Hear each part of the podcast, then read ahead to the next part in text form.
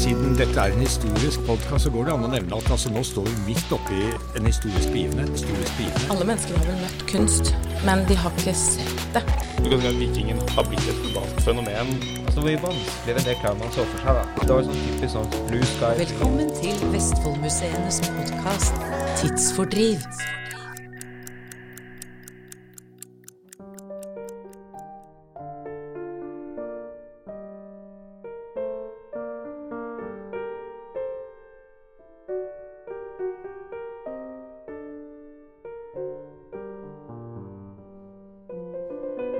Midt i Larvik er det et stort, rødt trehus.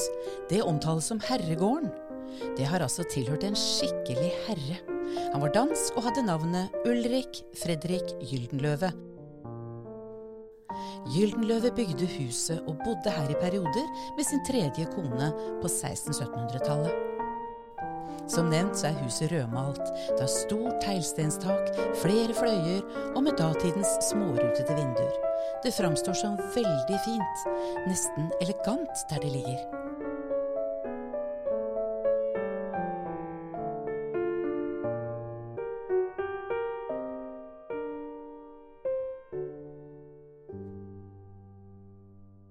Med meg i dag for å fortelle mer om herregårdens liv og historie, har vi en ekspert på Larviks historie, konservator Aina Aske. Hei, Aina. Hei, Ellen. Og i tillegg så har vi med oss en hjelper, historiker og nysgjerrig-Per, Peter Bøttinger. Han lurer på alt mulig rart. Hei, Petter. Hei, hei. Aina, tilbake til deg. Kan ikke du fortelle oss, hva jobber du med? Jeg jobber med kulturhistorie. Ja. I, I bred forstand, vil jeg si. Men jeg tror du må hjelpe oss litt mer og si litt mer om altså Når jeg har da kalt deg en Larviksekspert, så betyr det at du har spesiell interesse for 1600-1700-tallet? Ja, det er riktig. Jeg jobber jo mye med grevskapshistorie, og jeg jobber også med herregårdshistorie. Og da i et bredere perspektiv egentlig enn eh, Larvik og Vestfold. Men jeg syns jo det at i norsk sammenheng så er Larvik helt spesiell med den historien som byen og distriktet har på 1600- og 1700-tallet. Hvorfor var det så spesielt? Ja, rett og slett fordi det var et grevskap. Ja, Og hvor kommer det fra da, at det blir et grevskap? Ja, altså det er nesten vanskelig for folk å forstå i dag. Fordi det er, det er liksom så fjernt uh, fra oss. Men det hører sammen med det som vi kaller for enevelde. Ja, Det har vi hørt om eneveldet har med danske konger å gjøre, dette her. Ja, ikke bare danske konger. Eh, Uh, store forbilde var jo Frankrike. Ja, Men dette her var jo en, en statsform som, eh, som bredte seg, og det var den danske kongen Fredrik 3., som da gjorde et såkalt stille statskupp i 1660. Eh, og på si, nærmest satte kronen på sitt eget hode, eh, avskaffet eh, riksrådet. Som kongen da hadde styrt sammen med, eh, og ble eneveldig konge over Danmark-Norge. Og det var starten. På et grevskap i Norge. Vi fikk ikke så mange. Ja, det, det var ikke helt starten da. Eh, nå var det jo sånn at for å kunne styre, så må du jo ha noen allierte. Du må ha noen som er med deg. Eh, og det var adelen som var en samfunnselite. Sånn har det jo vært i hele Europa. At man har hatt adel, og du kalte det for en herre i herregården. Og man kalte dem jo ofte da for herrer, og det er adel. Adelsmenn. Og det som skjedde i 1660, var at den gamle adelen, den gamle eliten i Danmark, mistet sin posisjon. Okay. Og eh, når da eh, Fredrik 3.s sønn, Kristian 5., eh, ble konge, så opprettet han rett og slett en ny samfunnselite. Og de fikk titler som grever og friherrer. Og friherrer ble senere kalt for baroner. Du verden, dette her er jo noe vi ikke forholder oss så veldig til i Norge i dag. Du Peter, husker du Downton Abbey? Nei, det tror jeg ikke jeg har sett. Nei, For det er mange av oss som har sett det på TV, Ja. og det er det nærmeste jeg tenker at vi vanlige kommer, og får en følelse av dette livet, da med herrer og herregårder og er, Var det sånn det var, tror du, Aina? Ja, altså Downton Abbey er jo en ganske sen versjon Mhm. av dette med adel, og det foregår i England. Og der er det jo fortsatt adel, men til forskjell fra 1600- og 1700-tallet så har jo adelen i dag ingen makt i den forstand. Ja, nå sitter de i eh, overhuset, men de har jo ingen privilegier, sånn som de hadde tidligere. Altså Når vi snakker 1600- og 1700-tallet, så var dette en eliteklasse som hadde en helt spesiell rang og helt spesielle privilegier i samfunnet. Men privilegier, det er også et ganske vanskelig ord. Altså, Var de rett og slett veldig rike i forhold til folk flest? Ja, det har privilegiene eh, Du kan si det var resultatet av privilegiene. Ok, Og da er vi tilbake til dette ordet igjen. Privilegier. Altså jeg tenker jo, altså Var det bare rikdom og stort hus som var fordelen ved å være en greve? Eller hadde du også mange plikter? Altså, når grevskapene ble opprettet, så var det på den ene siden for at kongen skulle ha allierte. ikke sant? En gruppe rundt seg som han kunne stole på, og som fylte viktige posisjoner rundt hoffet og kongen. Men så har vi noe som heter conspicious consumption. And what is that? Det er rett og slett et forbruk som skal være prangende. Oh, ja. Ikke sant? Det er forbruket og det du omgir deg med, som viser makten. Ja, ikke sant. Du ikler deg noe slik at det er en synlig Dette kan vi jo se i andre deler av samfunnet også. Men jeg lurer veldig på når du da sier at det ble oppnevnt av adelskap, og så sendte da danskekongen noen til Norge da, som skulle passe på Norge for han? Eh, ja, sånn var det før 1660. Men vi skal også huske på at det eneveldet som jeg snakket om, det var en helt moderne samfunnsform på 1600-tallet.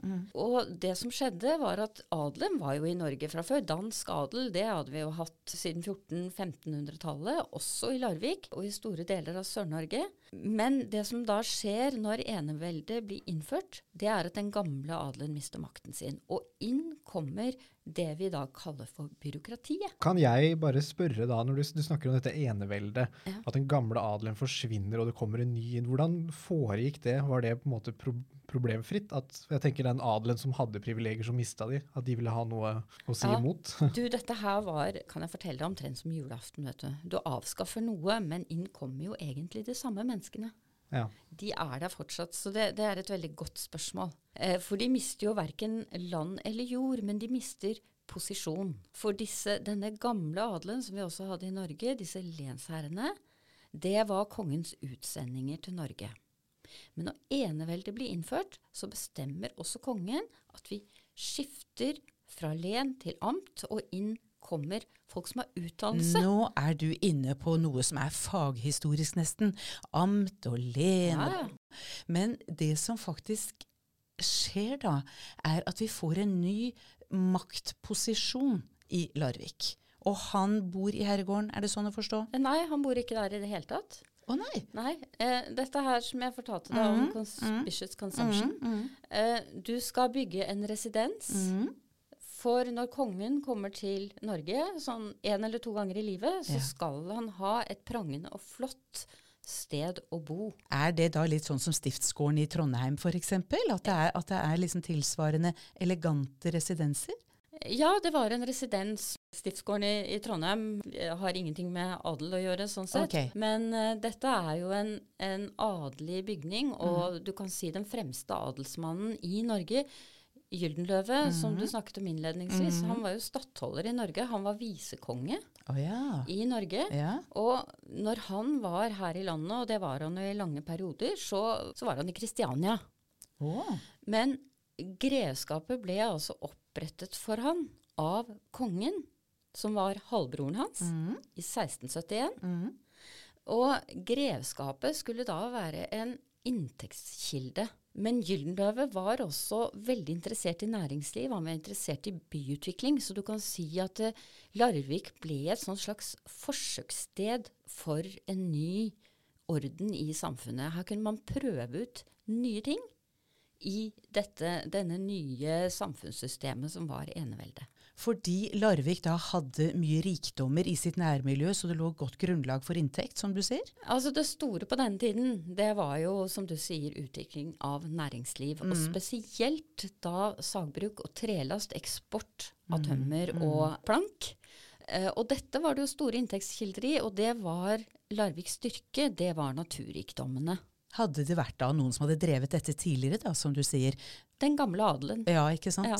Mm. Og så da, som, som Peter spør om, da kom han bare inn og fikk det? Ja, kjøpte det. Ja, ikke sant? Ja, ja. Dette var et konkursbo.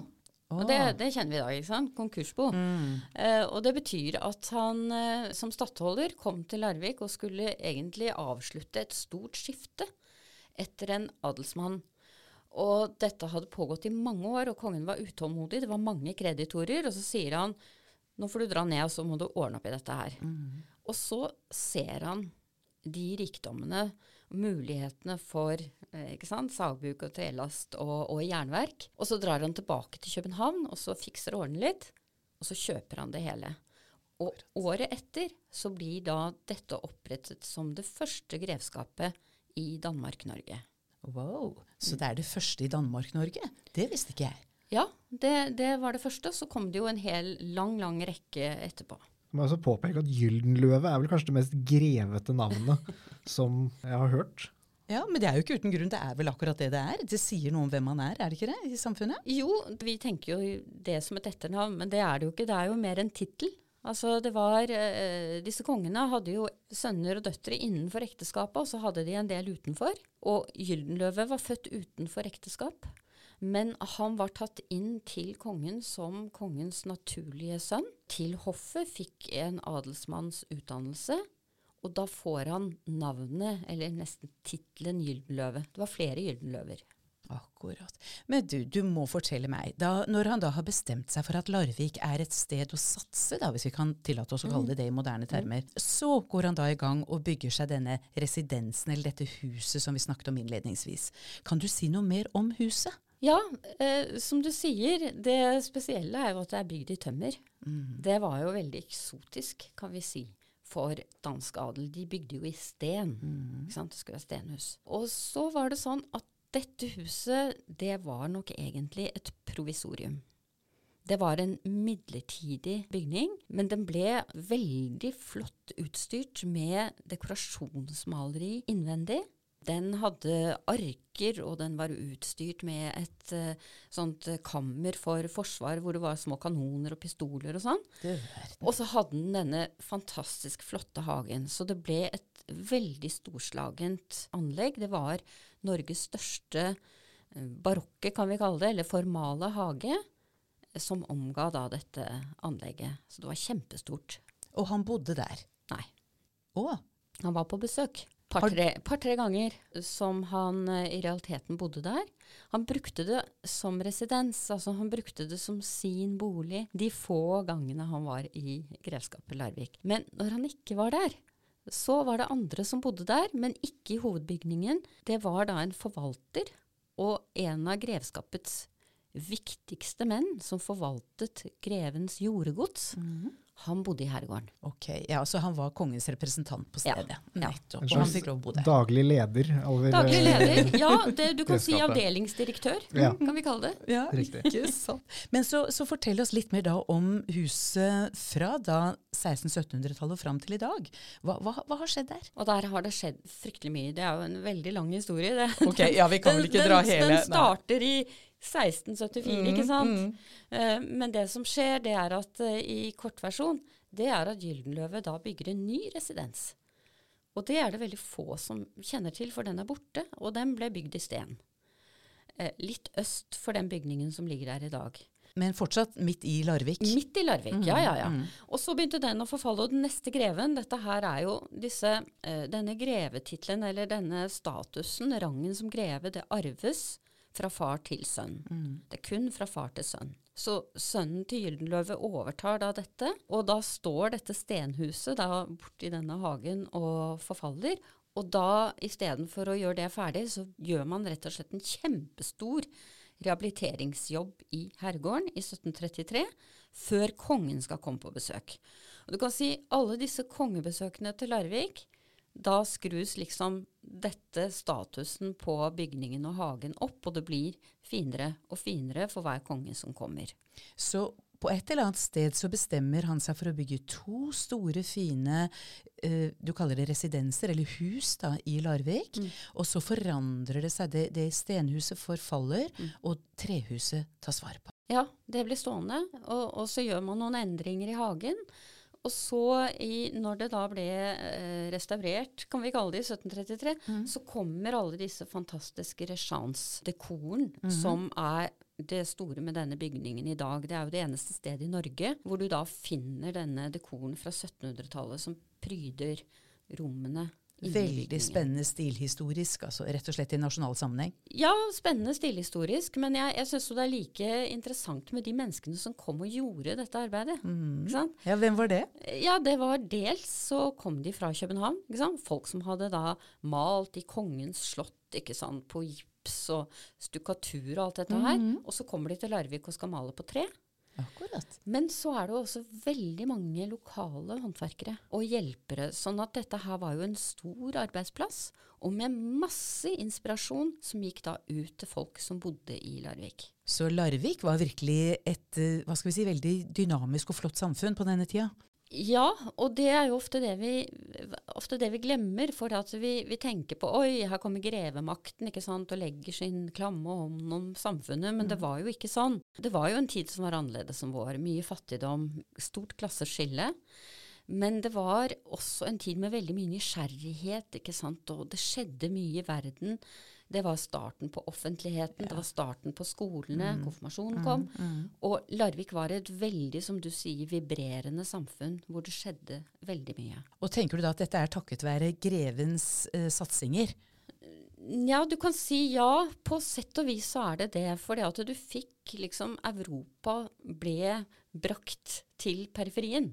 Ja, ikke, sant? sant? Vi er i utkanten av Europa. Vi er i utkanten av Europa. Vi er i utkanten av en stor kultur som, som denne adelskulturen og denne måten, dette moderne livet som var på vei inn i, eh, i Europa, som også fikk en avlegger i Norge, og som ble formet. Fordi mm, det er jo alltid sånn at når, når fremmed kommer inn, så, så må det formes sånn at det fungerer i det samfunnet.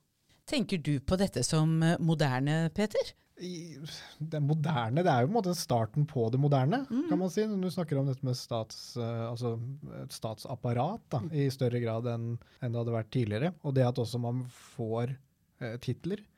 Eh, sånn som dette blir, du sier grevskap gikk i arv fra far til sønn. Men hvis jeg hadde, ikke hadde en far som var greve, da, og jeg hadde lyst til å bli greve, hva er det jeg måtte gjort da? Ja, ja, i dag kunne du jo bare kjøpt deg en, en tittel på, på internett, ikke sant. Det er jo mulig. Men eh, som sagt, det er jo land hvor dette med adel fortsatt er levende. Det er en del av samfunnet. I Sverige finnes det fortsatt adel. Men den store forskjellen er at nå er det bare navnet, tittelen, og så har de kanskje en, et stort gods.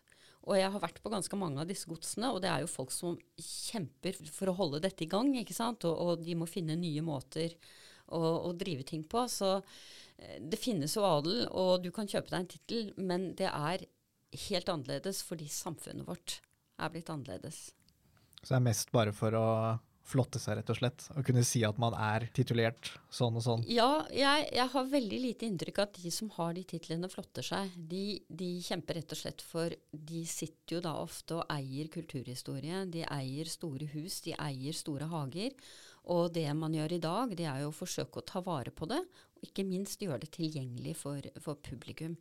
Så det er det veldig mange av de som fortsatt sitter med titler og gods, er opptatt av. Ja. Det er jo veldig interessant, for de, de er rett og slett forvaltere av kulturarv. Og det er sånn de ser sin posisjon, selv om da for andre fra utsiden så kan det jo se elegant ut, og man kanskje ikke like forstår hvor krevende det kan være å ivareta det de har fått fra sine forfedre. Ja, det, det er riktig. Og vi kan jo skru det tilbake til 1600-1700-tallet. Og det jeg syns er så interessant i dag når vi snakker om forbruk og vi snakker om bærekraft, så er de altså så opptatt, som du, eh, som du var inne på med dette huset som står oppe i hagen og forfaller. Men det forfalt ikke, for de tok vare på alt. Og jeg har liksom historier om hvordan de gjenbruker tekstiler Og de bruker dundyner og tepper helt til det er så dårlig at de må grave det ned. Så det er liksom ingenting som kastes. Det er et, veldig, et samfunn som er veldig bevisst på verdier, som vi kan lære mye av. Det er jo riktig som du sier, og det er derfor jeg trakk dette, eller spurte om det hadde noe med Downton Abbey å gjøre. For det er noe med å forstå at du forvalter noe, at du tar ansvar i et samfunn. Og med andre strukturer som vi har da i Norge i dag, så er det jo fortsatt sånn at det å være greve ikke sant? Det høres så elegant ut. Men Peter, har ikke du hørt litt ekstra om dette her eh, Om her- fine huset vårt? Jo, jeg eh, kom over en, eh, en aprilspøk som var i, i lokalavisa i, i Larvik. Og det var i 1938. Og da sto det dette at de hadde funnet en hemmelig gang som gikk fra herregården og så til hospitalet, da, som ja, ca. fem minutters gange unna. Og at man da under herregården, eh, som da på 1920-tallet hadde blitt et museum, fant man tre skjulte kasser med gullmynter, og så fant man et skjelett. Eh, og dr. Hansten, som var formann i Museumsforeningen, han eh, leste jo dette her, og han hasta jo ned til museet når denne nyheten kom ut. da. For ryktene om at det var en sånn passasje, det hadde svirra lenge. Og sånn er det gjerne alltid, synes jeg, med gamle steder, at det er sånne rykter om hemmelige ganger og sånn.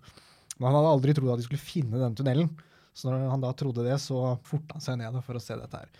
Men uh, han fant jo ingenting, for det var jo som sagt en aprilspøk. da. Denne artikkelen kom på trykk 1. april 1938. Så. Men du Aina, da nevner jo Peter dette her at huset er et museum. Er det sånn det er? Er det et museum i dag? Ja, i dag er det et museum, og det er vel kanskje igjen en gjenspeiling av vårt samfunn. da, At nå er det det offentlige. Nå er det et museum som skal forvalte denne arven og ta vare på og utvikle kulturhistorien videre.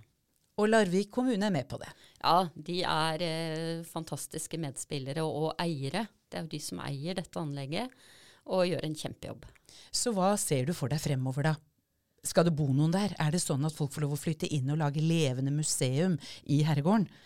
Ja, De trenger ikke å flytte inn for å lage levende museum, men eh, det er, dette er jo en fredet bygning. Det er en av Norges viktigste bygninger fra 1600-tallet. Den ble jo påbegynt i 1674. Sånn at eh, der skal det ikke bo noen, og vi skal ta godt vare på den. Men det er mye som kan gjøres for å få enda mer liv, eh, og for å få godt museum i bygningen. Og det er det som er målet. Det er det som er målet. Fordi vi vil ha med oss kulturarven, og vi vil ha denne lokale si, forankringen, men også vil jeg si en storhet, da. Som kanskje dette gjør folk i Larvik litt ekstra stolte. Hva tenker du om det? Jo, det, det tror jeg. Og storheten består jo i da også å få tilbake hageområdet. Ja. For uh, på denne tiden så er uh, bygning og hage det er ett. Mm. Hagen er en del av arkitekturen. Hvis ikke du har hagen, så kan du ikke forstå dette. Og så er det jo sånn at i dag så kan jo et hageanlegg rundt herregården da bli offentlig og for folk. Ikke sånn som eh, det var når eh, grevene hadde makten, hvor ingen kom inn og det var høye gjerder. Så det er jo også en veldig sånn interessant kontrast, ikke sant. At det som var lukket, kan vi åpne. Det er jo en fin tanke at det blir allemannseie på et vakkert vis. Altså vi, de, Dere skal investere stort i den haven, eller? Ja, det, det er ikke opp til meg å gjøre. Det, jeg skaffer til veie kunnskapen Mhm. og kan bidra til å eh, drive museum, utvikle museum.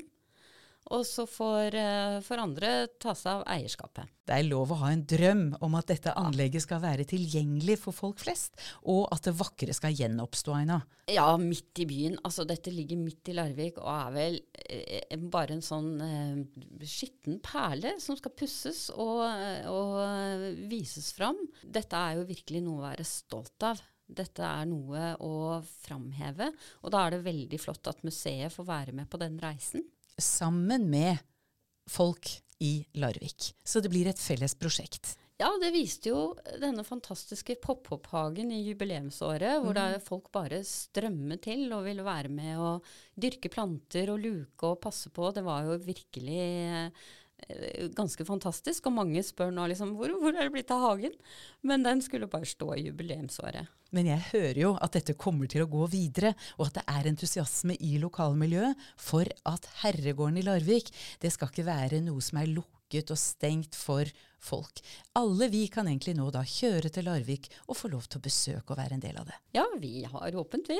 Så fint. Og da syns jeg at folk skal besøke museum og ta seg en tur til Larvik og nettopp gi tid til den fortellingen som ligger i herregården. For det er ikke bare herrers historie. Det har vært noen fine damer der òg. Og kom og hør historiene i museum. Takk skal dere ha, Aina og Peter.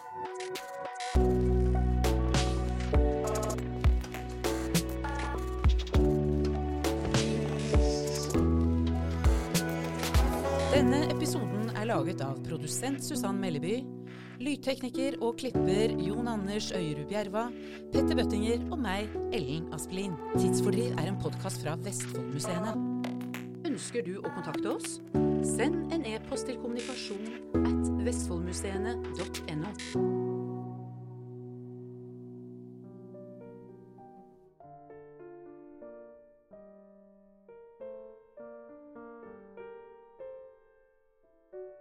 Du Aina, du nevnte dette med at Gyldenløve han var jo da født utenfor ekteskap. Og det var det jo flere som var eh, på den tida, også blant de adelige og kongelige. Eh, så var dette på en måte eh, vanlig? Ja, for en konge, men ikke for resten av samfunnet. Eh, og, og, det var jo veldig morsom historie med Kristian 5. f.eks. Han hadde jo da elskerinnen sin, bodde i et hus bak slottet. Og alle de barna de het Kristian og Kristiane, for å gjøre det enkelt. så, og de, på, de var, kom til Slottet og spiste middag på søndag og sånn, og da var det flere rundt og ropte på Kristian og Kristiane. men det, det, det, blir litt sånn løsrevet i vår setting, ikke sant? For det høres ut som et bare sånn vellevnet, men det, det var jo ikke det. Da hadde vi litt å gjøre med at ekteskap var arrangert, spesielt for en konge, ikke sant. Så skulle du det, Dette var å spleise maktallianser. På 1600- og 1700-tallet så er ekteskapet hellig. Det med utroskap eh, er ikke akseptert. Men for en konge så var det jo selvfølgelig helt andre, eh, andre regler og en helt annen aksept. Ja. Det var noen fordeler med å være konge, altså. ja, det kan du si.